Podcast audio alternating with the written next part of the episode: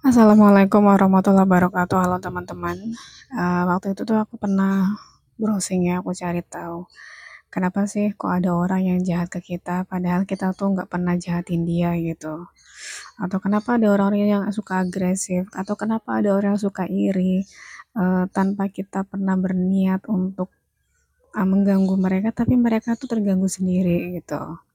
Nah aku tuh baca di uh, BBC kayaknya deh apa ya pokoknya itu dibahas bang dibahas semua.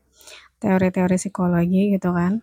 Nah sampai di bahasan yang bunyi apa ya. Jadi uh, manusia itu di dalam kelompok ketika ada orang yang baik itu dianggap sebagai gangguan gitu. Jadi kan beberapa pertama kan ada beberapa faktor ya. Pertama ada memang orang-orang yang sadis Orang sadis itu seneng kalau orang lain menderita. Kemudian ada psikopat. Kalau psikopat itu uh, kalau sadis itu seneng ketika orang lain menderita, kalau psikopat itu merencanakan penderitaan orang lain gitu. Dan populasi si sadis itu ada 6% dari seluruh dunia. Kalau psikopat itu 0,5%. Dan psikopat itu sangat menyadari ketika korbannya itu sadar bahwa dia sedang dimanipulasi. Itu hebatnya psikopat. Kemudian ada lagi yaitu di dalam satu kumpulan uh, di antara orang-orang yang ya kita berkompetisi di kehidupan ini gitu kan. Orang-orang yang baik itu cenderung dianggap sebagai gangguan. Makanya uh, mereka tuh dianggap sebagai penghambat. Nah, aku di sini tuh ingat pada jadi aku sering baca ya akun-akun filosofi gitu kan. Sembunyikan rencana. Kemudian sembunyikan progresmu kemudian uh, work in private gitu kan kerja dalam uh, privasi gitu private gitu loh. Rahasia aja jangan sampai ada orang tahu. Karena kan kalau di Islam ada yang namanya penyakit ain gitu kan. Terus ada juga nasihat sembunyikanlah kesuksesanmu sembunyikanlah kebahagiaanmu untuk menjaga hati saudaramu dari sifat hasad gitu karena memang sebenarnya di dalam hati manusia itu semuanya itu ada gitu, tinggal ada pemicunya atau enggak. Semuanya itu punya sifat hasad, semuanya punya sifat iri. Tinggal ada pemicunya atau enggak sampai sifat itu keluar, uh, sampai hasad itu keluar dan berubah menjadi ain gitu. Nah, aku pernah ya. Jadi aku bingung. Aku kan sama teman-teman kuliah gitu kan. Uh, di grup WA, WA di grup WA kami waktu kuliah gitu. Nah, uh, memang ada beberapa yang ya aku nggak bisa sebutin lah pokoknya nanti kalau aku sebutin ciri-cirinya nanti ada yang tahu gitu. Atau aku bingung gitu loh. Padahal aku tuh nggak apa-ngapain gitu kan. Cuman uh, aneh gitu.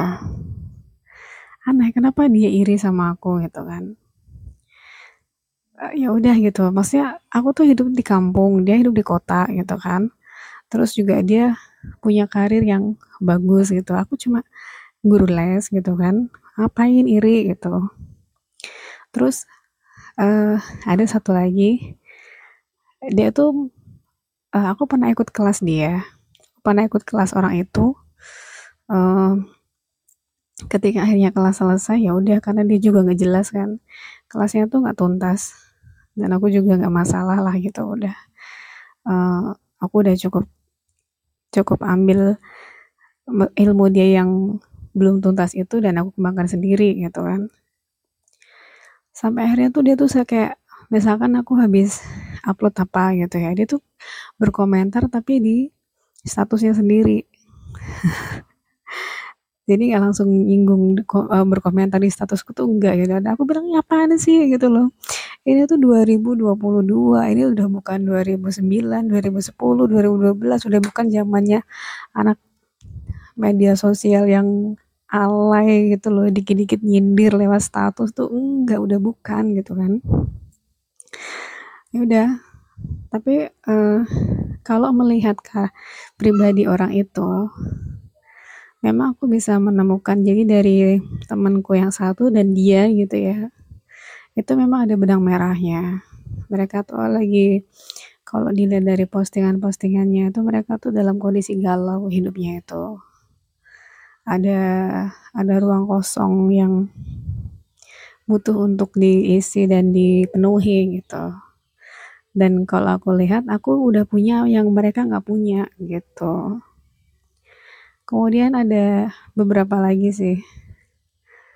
Cuman ya enggak yang sampai kayak mereka berdua sih. Cuman aku melihat bahwa ini kalau mereka bermasalahnya sama orang lain ya. Jadi orang-orang tuh cenderung lebih seneng sesuatu yang menderita. Ketika aku dulu sering posting masalah derita ya sebenarnya bukan aku bukan tipe orang yang suka bercerita derita gitu enggak. Tapi kayak aku pengen kalau misalkan aku menceritakan ini biar jadi pengalaman apa ya pandangan buat orang gitu kan. Kayak aku bikin podcast gitu. Beberapa kan aku ceritain kan masalahku tapi aku ceritanya kan ketika udah selesai. Bukan ketika sedang mengalami masalah itu gitu. Aku tipe orang seperti itu kalau udah selesai ketika pikiranku udah adem gitu loh. Nah jadi uh, masih relevan sama yang teori psikologi itu juga yang aku baca.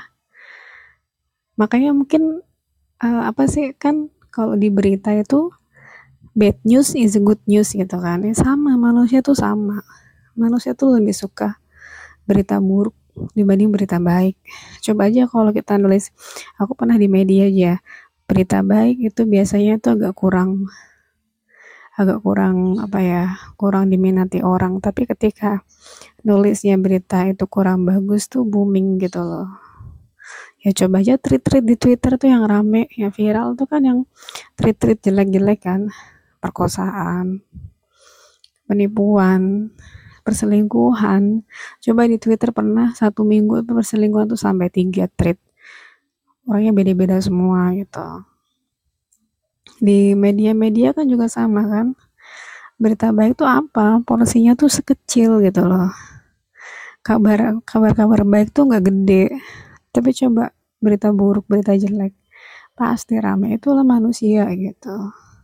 Jadi ya dari situ semua tuh aku makin yakin untuk Aku menyembunyikan pencapaianku, rencanaku, dan sedang apa yang sedang aku lakukan gitu. Kayak misalkan aku mau mau ini ya posting anakku anak-anak muridku ada berapa aja tuh aku tahan dulu. Walaupun kadang kayak pengen ah diupload ah gitu kan. Tahun depan biar keluar kenangannya gitu. Nggak bisa gitu. Aku takut gitu loh. Ya buktinya si ustazah itu kan sebenarnya uh, temenan sama aku ya di media sosial. Dan dia tahu anak-anak yang ngaji di tempatnya tuh lesnya di tempatku dan dia berusaha untuk narik itu. Oke sekian terima kasih. Assalamualaikum warahmatullahi wabarakatuh.